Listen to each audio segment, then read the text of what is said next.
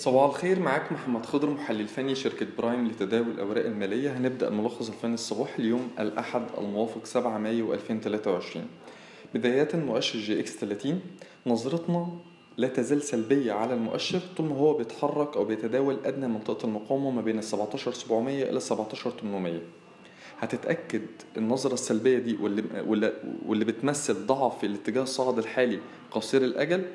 إذا اخترق مؤشر EGX 30 منطقة دعمه الحالية ما بين 17100 إلى 16600 وبالتالي هيتغير الاتجاه من الاتجاه الصاعد إلى الاتجاه الهابط.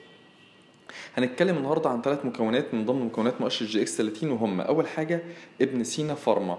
ابن سينا بدأ موجة ارتفاع قوية من مستوى دعمه السابق ليه عند الجنيه 40 وإحنا بنرجح امتداد موجة الارتفاع الأخيرة دي وصولا لمستوى المقاومة الرئيسي عند ال 2 جنيه.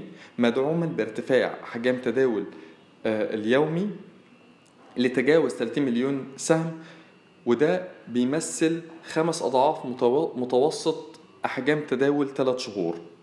رؤيتنا على ابن سينا إيجابية. تاني مكون هو القرار الاستثمارات والتنمية اللي هي سيرة مش بنرجح إن هي تخترق منطقة الدعم الحالية ما بين التسعة جنيه خمسين إلى التسعة جنيه ستين؟ ورؤيتنا لا تزال عليها إيجابية. منطقة الدعم دي تتضمن مستوى وقف الخسارة اللي إحنا حاطينه عند التسعة جنيه خمسين. تالت مكون هو الإسكندرية للزيوت المعدنية أموج واللي لازم يحافظ على منطقة دعمه الحالية ما بين التسعة جنيه إلى التمانية جنيه تمانين. وإلا إذا اخترق منطقة دعمه الحالية ما بين ال 9 جنيه ل 8 جنيه 80 فده ممكن يأهله لموجه انخفاض حادة قوية إلى مستوى دعمه الرئيسي التالي عند ال 7 جنيه. وبالتالي لازم نركز على منطقة الدعم الحالية ما بين ال 9 جنيه إلى 8 جنيه 80 في أموك نظرتنا عليه محايدة.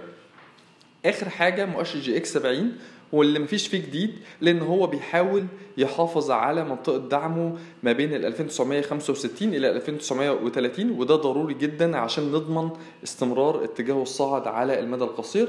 نظرتنا على مؤشر EGX 70 محايدة. شكرا.